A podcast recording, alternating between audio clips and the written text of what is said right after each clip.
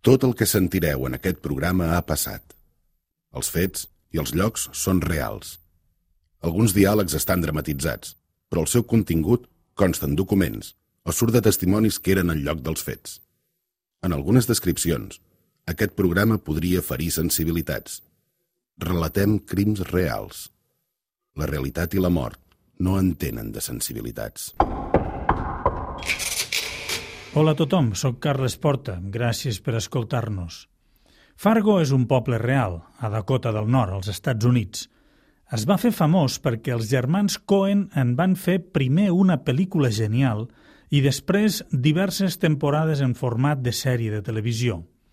A l'inici de la pel·lícula i de la sèrie sortia un escrit en què es deia que els fets relatats eren reals, però era un joc que feien servir els Cohen – el que s'explica a la pel·lícula, que és increïble, era tot inventat. Com sempre passa, la retorçada i brillant ment dels Cohen no va arribar a imaginar el que la realitat faria que un dia de 2017 passés de veritat a Fargo. Intentarem posar llum a la foscor. Comencem. If you are the dealer, I'm out of the game. If you are the healer, means I'm broken and lame. If thine is the glory, then mine must be the shame. You want it darker. We kill the flame. Crims. Per què matem? Vilified, crucified in the human frame. A million candles burning for the help that never came. You want it darker.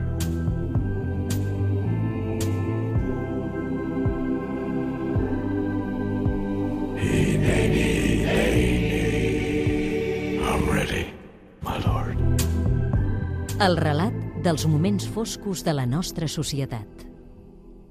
Crims. Amb Carles Porta. Agost del 2017. Una noia de 22 anys que es diu Savannah Lafontaine Greywin encara viu amb els seus pares, el seu germà de 16 anys i una germana més petita. Viuen als baixos d'un bloc de sis apartaments, a l'apartament número 1. Dic encara perquè li queda poc per viure aquí. Està embarassada de 8 mesos i el mes que ve, al setembre, quan neixi la criatura, té planejat anar-se'n a viure amb la seva parella a un altre apartament, també a Fargo. La seva parella és l'Ashton. Es van conèixer a l'escola i ja fa set anys que estan junts. Estan molt contents de ser pares i si no han anat a viure junts fins ara, que tindran la nena, és perquè ell tenia la feina a Minneapolis, capital de l'estat veí de Minnesota. La família de la Sabana és una família indígena d'americans natius. La seva mare, Norberta, pertany a la tribu Turtle Mountain i el seu pare, Joe LaFontaine, a la tribu Spirit Lake. Tant la Sabana com els seus germans han estat educats en les tradicions indígenes basades en el respecte als avantpassats i l'amor als animals i la natura. L'edifici on viuen té planta baixa i dos pisos i els apartaments estan numerats de l'1 al 6. Porten molts anys a l'edifici i tenen bona relació amb els veïns. És per això que quan el dissabte 19 d'agost la veïna de l'apartament número 5, al segon pis, li demana a la Sabana si li pot fer un favor, ella no ho dubta ni un moment. No es coneixen gaire, perquè els del número 5 només fa un any que són a l'edifici, però diu que sí igualment. A la Sabana li acaba d'arribar una pizza que ha demanat per dinar. La deixa sobre el marbre de la cuina i puja cap a casa de la veïna. Ja se la menjarà després, la pizza. La veïna es diu Brooke Crews, té 38 anys i viu amb la seva parella, en William, de 32. La Brooke acaba de fer-se un vestit i, per acabar-lo de retocar, li demana a la Sabana si li pot fer de model. Li ofereix 20 dòlars i la Sabana accedeix, més que pels diners, per donar-li un cop de mà. Sempre ha estat una noia molt servicial a qui li agrada ajudar els altres i ara ho fa també a través de la seva feina d'auxiliar d'infermeria mentre acaba els estudis d'infermeria geriàtrica. Són vora de dos quarts de dues del migdia. La Sabana ha quedat amb el seu germà, que a dos quarts de tres el portarà en cotxe a la feina perquè ell no té carnet de conduir. Té temps, encara falta una hora, però envia un missatge a la seva mare explicant-li els seus plans d'ajudar la veïna per si de cas se li fa tard, que sàpiguen on s'ha posat. Quan la mare arriba a casa, la pizza que la Sabana ha demanat ja és freda. Són dos quarts de tres, l'hora en què la Sabana ha quedat amb el seu germà per dur-lo a la feina i encara no ha baixat. Li envien missatges al mòbil, però no contesta. Això el resulta estrany. La Sabana està tot el dia enganxada al telèfon i gairebé cada passa que fa la penja a les xarxes socials, que les té totes. Facebook, Instagram, Snapchat... El seu germà decideix pujar a casa de la veïna a buscar-la. Pica el timbre, truca a la porta, però no contesta ningú. No pot fer tard a la feina, així que s'obliden de la sabana per un moment i amb ell li porta la seva mare, la Norberta. El pare de la sabana, en Joe, no es queda tranquil i decideix tornar a pujar a casa de la veïna. Aquesta vegada sí que contesten. La Brooke obre la porta poc més d'un pam, just per treure el cap, i li diu al pare que encara estan ocupades. La mare arriba de portar el seu fill a la feina i veu que la sabana encara no és a casa. El pare li explica que ha pujat fa uns minuts per veure per què tardava tant i que la Brooke li ha dit que encara els quedava una estona de feina. Insistent, la mare torna a pujar a buscar la sabana i la Brooke, aquesta vegada, li diu que la seva filla acaba de marxar. La Norberta, la mare, torna cap a casa. Baixa les escales a poc a poc mentre rumie perquè alguna cosa no li encaixa. El cotxe de la sabana està aparcat davant de la porta, al lloc de sempre, així que se n'ha d'haver anat a peu. Per la mare, però, això és impossible. És un estiu molt calorós i la sabana, que ha de parir d'aquí poques setmanes, últimament es queixava molt que se li inflaven els peus. A més, la bossa de mà també la té a casa i ella, que la coneix bé, sap que la seva filla no sortiria mai sense la bossa i encara menys sense avisar. Decideix denunciar la desaparició de la sabana a la policia, que es presenta a casa seva al cap de mitja hora. Tots junts intenten reconstruir quins poden haver estat els últims passos de la seva filla i, evidentment, l'apartament dels veïns de dalt se situa en el punt de mira. Tot i que sempre hi han tingut una relació cordial, encara que breu, perquè fa poc que són a l'edifici, a la mare mai li ha agradat la parella de l'apartament número 5. Sovint tenen discussions a crits que traspassen els envans i la sent tot l'edifici, i fa poques setmanes li van oferir a la sabana d'anar a fumar marihuana amb ells. A la mare li va molestar molt que li fessin aquesta proposta a la seva filla quan estava embarassada de 7 mesos. La policia de Fargo truca al timbre de l'apartament número 5, el de la Brooke i el William, i els demanen si els deixen entrar. No els hi poden obligar perquè no tenen cap ordre judicial, però no hi ha problema perquè la parella deixa entrar els agents sense inconvenients. Miren totes les habitacions del pis i en una hi troben teles i una màquina de cosir, el que encaixa amb el missatge que li ha enviat la sabana a la seva mare dient que anava a fer de model per un vestit. A la policia en cap moment li crida l'atenció que la Brooke li hagi demanat a la sabana de fer de model d'un vestit que s'està fent per ella, quan està embarassada de 8 mesos. No troben res que els faci sospitar i donen la inspecció de l'apartament número 5 per acabada. La policia suggereix a la família que la sabana potser ha marxat perquè ha volgut, o que se n'ha anat en algun lloc a avortar, que és molt jove per tenir fills. Aquests comentaris fan enfadar moltíssim la família. Estan segurs que no tenen raó. La seva parella i futur pare de la criatura diu això als periodistes. Ella no ha marxat. Mai faria una cosa així, i menys sense avisar. No en tenim cap dubte. Mai faria una cosa així. La família de la Sabana fa saber a la premsa la sensació que tenen que la policia no s'està prenent prou seriosament la desaparició. Han estat molt grollers amb mi i no han tingut cap mena d'empatia. Els he cridat diverses vegades perquè sento que no es preocupen gens. Si es tractés d'una americana blanca, segur que actuarien amb més celeritat. La desaparició de la sabana està generant molt d'enrenou. Per això, una altra patrulla de la policia arriba davant de casa dels Lafontaine Greywin. Els comuniquen que la Brooke i en William són els únics sospitosos, però que no poden fer més del que estan fent. Els escorcollen la casa una altra vegada i no troben res estrany. És més, els semblen una parella simpàtica i que col·labora amb la policia.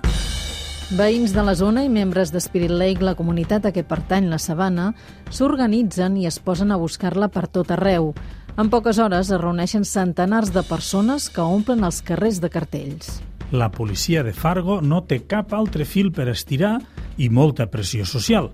Així que, tot i que a casa seva no han trobat res sospitós, segueixen investigant l'entorn dels habitants de l'apartament número 5, la Brooke i en William, i activen més mecanismes de cerca. A través de la seva pàgina de Facebook, el cap de la policia de Fargo emet un comunicat. Els nostres detectius estan revisant les càmeres de seguretat privades de diversos locals que ens poden indicar on eren els sospitosos a l'hora en què va desaparèixer Savannah La Fontaine Greywin. Estan analitzant hores i hores de vídeo per trobar respostes. Demanem a tothom que revisi les seves propietats, garatges i voltants de les seves cases. Si troben alguna cosa, si us plau, truquin immediatament al 701. La policia comença amb els interrogatoris. És el torn dels amics i familiars de la Brooke i en William. Res els crida especialment l'atenció. La mare de la Sabana ja els ha explicat que són una parella que discuteixen molt i això no és gaire diferent del que explica la resta de gent que els coneix. El cap de la investigació diu això a la premsa. En aquests moments no tenim cap indici d'activitat criminal. Amplien el radi d'interrogatoris i ara toca el torn als companys de feina. Van a l'empresa on treballa en William, una empresa d'instal·lació de cobertes. Destaquen que és una persona impulsiva i irascible. Expliquen que la relació entre en William i la Brooke, que va començar l'any 2014, és molt complicada i que sempre arriben a les mans per qualsevol cosa. La violència és tanta que fins i tot tenen una ordre d'allunyament l'un de l'altre, que va sorgir d'una de les seues últimes baralles en què ella li va donar un cop de martell al cap i ell la va llançar a la banyera. Una ordre que, per tant, estan incomplint ara mateix vivint junts. La policia busca l'expedient de William i s'adonen que té antecedents. L'any 2008, quan estava casat amb una altra dona, va portar el petit dels dos fills que tenien en comú d'un any i mig a l'hospital. Tenia una fractura al crani que, segons en William, s'havia fet perquè havia caigut per les escales. Els metges, però, just abans de començar a intervenir-lo d'urgència, es van adonar que la fractura no podia ser d'una caiguda per les escales, sinó que aquella fractura estava feta a base de diversos cops amb algun objecte molt contundent. Aquell dia, l'única persona que estava a càrrec del nen, perquè la mare treballava, era en William, així que va ser posat immediatament a disposició judicial i el van acabar condemnant per les lesions del nen. La policia també mira el passat de la Brooke. S'adonen que va tenir una infància molt dura de casa d'acollida en casa d'acollida i, sobretot, en centres de menors. Al llarg de la seva vida ha tingut problemes amb l'alcohol i amb les drogues. Veuen que la Brooke té set fills d'almenys cinc homes diferents i que no se n'ha fet mai càrrec de cap. De fet, dos d'aquests homes l'han denunciat diverses vegades perquè no atenia els fills ni passava la pensió econòmica que li tocava i un altre home l'ha denunciat per amenaces de mort. Crims. Per què matem? Tornem als interrogatoris de la policia als companys de feina de William. D'entre totes les històries i anècdotes que expliquen d'ell, diuen una cosa que convenç la policia, ara sí, de demanar una ordre d'entrada i escorcoll a casa seva. No perdem de vista que ja hi han entrat tres vegades des de la desaparició de la sabana, però han mirat per sobre i no han vist mai res que els hagi semblat sospitós. Els companys de feina diuen que en William els ha explicat que amb la Brooke acaben de tenir una filla. Expliquen que els ha cridat molt l'atenció a la notícia perquè no sabien que la seva parella estigués embarassada. La policia se sorprèn perquè, acabem de dir, han entrat tres vegades a l'apartament número 5 i cap vegada no han vist ni cap nadó, ni cap llitet, ni cap joguina que indiqui que allà hi viu una nena petita. Sis dies després de la desaparició de la sabana i amb l'ordre judicial a la mà, al matí del dijous 24 d'agost, la policia torna a casa de la Brooke i en William. Ara flipareu. Al llit de la parella, entre llençols, mantes i coixins mal posats, hi troben una nena molt petita, de pocs dies de vida. Com pot ser que les altres tres vegades no haguessin vist aquesta nena? O bé perquè no hi era, o bé perquè no havien buscat prou. La Brooke és detinguda allà mateix mentre una altra patrulla deté en William a la feina. Estan acusats de conspiració per cometre un segrest. La nena trobada és traslladada immediatament a l'hospital i queda custodiada pels serveis socials. Una vegada allà es comprova que està en bon estat de salut i se li fa una prova d'ADN És la filla de la sabana La Fontaine Greywind. La policia pren declaració a la Brooke i a William que expliquen cadascú la seva versió dels fets. La Sabana va pujar al meu apartament el diumenge 19 d'agost. Em va demanar ajuda. Li vaig explicar com es podia induir el part provocant-se a trencar aigües. Després va marxar i va tornar dos dies després. Em va donar el seu nadó. Vaig arribar a casa el diumenge 19 d'agost i em vaig trobar la Brooke al lavabo netejant sang. Quan em va veure, es va girar cap a mi. Tenia una nena en braços. Em va dir, aquesta és la nostra filla, aquesta és la nostra família. Em vaig quedar en xoc. Vaig ajudar la Brooke a treure bosses d'escombraries amb tovalloles plenes de sang. També vam llançar les nostres sabates, també estaven plenes de sang. Ho vam portar tot a uns contenidors a l'oest de Fargo. Vaig tenir moltes oportunitats d'entregar la nena a la policia o a la família, però no ho vaig fer perquè vaig veure que s'havia denunciat la desaparició de la sabana i vaig pensar que encara em culparien a mi.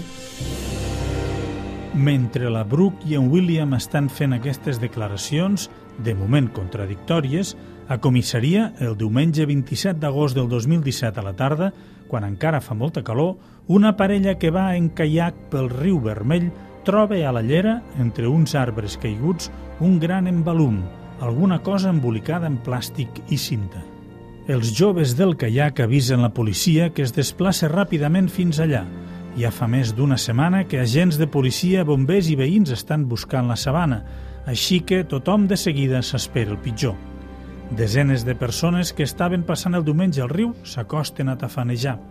Quan s'adonen que es tracta d'un cos, la policia acordona la zona. Fan l'aixecament del cadàver i se l'enduen perquè se li faci l'autòpsia. I allà els mals presagis es confirmen. És el cos de Savannah LaFontaine Greywind. Brooke Crews i William Hohen són acusats de conspiració per cometre un segrest, de conspiració per cometre un assassinat i per mentir a la policia. El jutge els posa una fiança de 2 milions d'euros a cadascú quan s'assabenta que han estat buscant pàgines web de viatges i de vols. Els veïns de l'apartament que queda entre el de la família de la Sabana i el de la Brooke i William, l'apartament número 3, també s'han despertat tard i ara volen col·laborar i expliquen això a la policia. Dissabte, després de dinar, vam sentir cops que venien del pis de dalt. Semblaven cops a la banyera, molt estrany. Van durar uns 20 minuts i se sentia l'aigua córrer. No vam dir res perquè estem acostumats a sentir crits i discussions de casa de la Brooke i en William, però ara que ens hem assabentat de tot... El dijous 31 d'agost del 2017 té lloc l'enterrament de la sabana. Gairebé un miler de persones assisteixen als funerals. Molts d'ells vesteixen una samarreta de color vermell, la samarreta de la tribu. L'11 de desembre del 2017, gairebé quatre mesos després de la desaparició de la sabana, es fa el judici. Escoltem Brooke Crews, la veïna de l'apartament número 5. No, no, no, no hi ha excusa, no, no hi ha cap explicació. No hi ha res. El que he fet ha destrossat una família sencera i, i ha destrossat la comunitat que era a casa meva. Dissabte 19 d'agost li vaig demanar a la Sabana que vingués al meu apartament a provar-se un vestit que estava fent. Només d'arribar ens vam posar a discutir al lavabo. Vaig fer que discutíssim. La vaig empènyer i amb el cap va tocar amb la pica i va caure inconscient. Vaig anar a la cuina, vaig agafar un ganivet i vaig tornar al lavabo. Li vaig fer un tall a la panxa, a l'abdomen, i li vaig treure la nena. En aquell moment la sabana ja era gairebé morta, estava, estava perdent molta sang. Em vaig posar a netejar tota la sang que hi havia al terra del lavabo i de cop en William va arribar a casa. Quan em va veure amb la nena als braços, li vaig dir «És la nostra filla!». Em va preguntar si la sabana estava morta i li vaig dir que no ho sabia. Li vaig demanar ajuda. Se'n va anar i va tornar al cap de pocs minuts amb una corda a la mà. La va col·locar al coll de la sabana i la va estrènyer fins a assegurar-se que ja no respirava. Em va dir, si no estava mort abans, ara sí que ho està. Vam col·locar el cadàver de la sabana en un armari del lavabo i, i vam seguir netejant el terra de sang. En la seva declaració, William Hohen explica que en els tres primers escorcolls de la policia, tant la sabana ja morta com la nena viva eren a l'apartament. Les tres vegades que la policia va venir a l'apartament jo estava al llit. Al costat hi tenia la nena, sota una manta. Vam netejar-ho molt bé tot. No van trobar res. Després del tercer escorcoll, vam col·locar el cos de la sabana en un portavestits. El vam carregar al cotxe i vam conduir fins a un pont. Des d'allà, la vam tirar al vermell. Aquest gener William i jo estàvem molt malament. M'anava a deixar i perquè no ho fes, li vaig dir que estava embarassada. Però, és clar, van passar els mesos i li vaig haver de dir que era mentida. Llavors ell es va enfadar molt i em va dir que produíssim un fill. Jo vaig pensar tot això, ell no sabia res. Ell no sabia el meu pla d'assassinar la sabana i quedar-me amb la nena, no. Brooke Crews va ser sentenciada a cadena perpètua per l'assassinat i el seu company William, si bé primer també va ser condemnat a cadena perpètua pel mateix, un recurs va permetre que finalment quedés condemnat a 20 anys per conspiració per haver comès un segrest i per haver mentit a la policia. L'actuació de la policia de Fargo va quedar en evidència. L'assassinat de la Sabana va arribar al Senat nord-americà i a la Cambra de Representants en un projecte de llei que millora l'accés de les tribus indígenes a les bases de dades d'informació del crim federal. També impulsa la creació de protocols que donin resposta a la gran quantitat de casos de dones natives desaparegudes o assassinades. El projecte de llei està pendent de ser signat pel president. Masclisme, racisme... De mitjana, les dones indígenes tenen el doble de possibilitats que les americanes blanques de ser assassinades. De fet, en molts punts dels Estats Units, aquesta xifra arriba a multiplicar-se per 10. L'agost del 2019, durant dues setmanes, diverses tribus indígenes van recórrer caminant les 550 milles del riu Vermell, gairebé 900 quilòmetres, per denunciar la tragèdia que viuen. Només al Vermell s'hi han trobat 134 cossos de dones mortes. La nena, la filla de la sabana, es diu Hasley Joe Metheny Lafontaine. Ara té 3 anys. Es troba en bon estat de salut i viu amb el seu pare, Aston Metheny. Tot i que ell és de Minneapolis, viuen a Fargo, perquè així la família de la sabana pot estar amb la nena. Gràcies per escoltar-nos i bon Nadal. Tornem tan aviat com puguem. One, two. The sky is crying.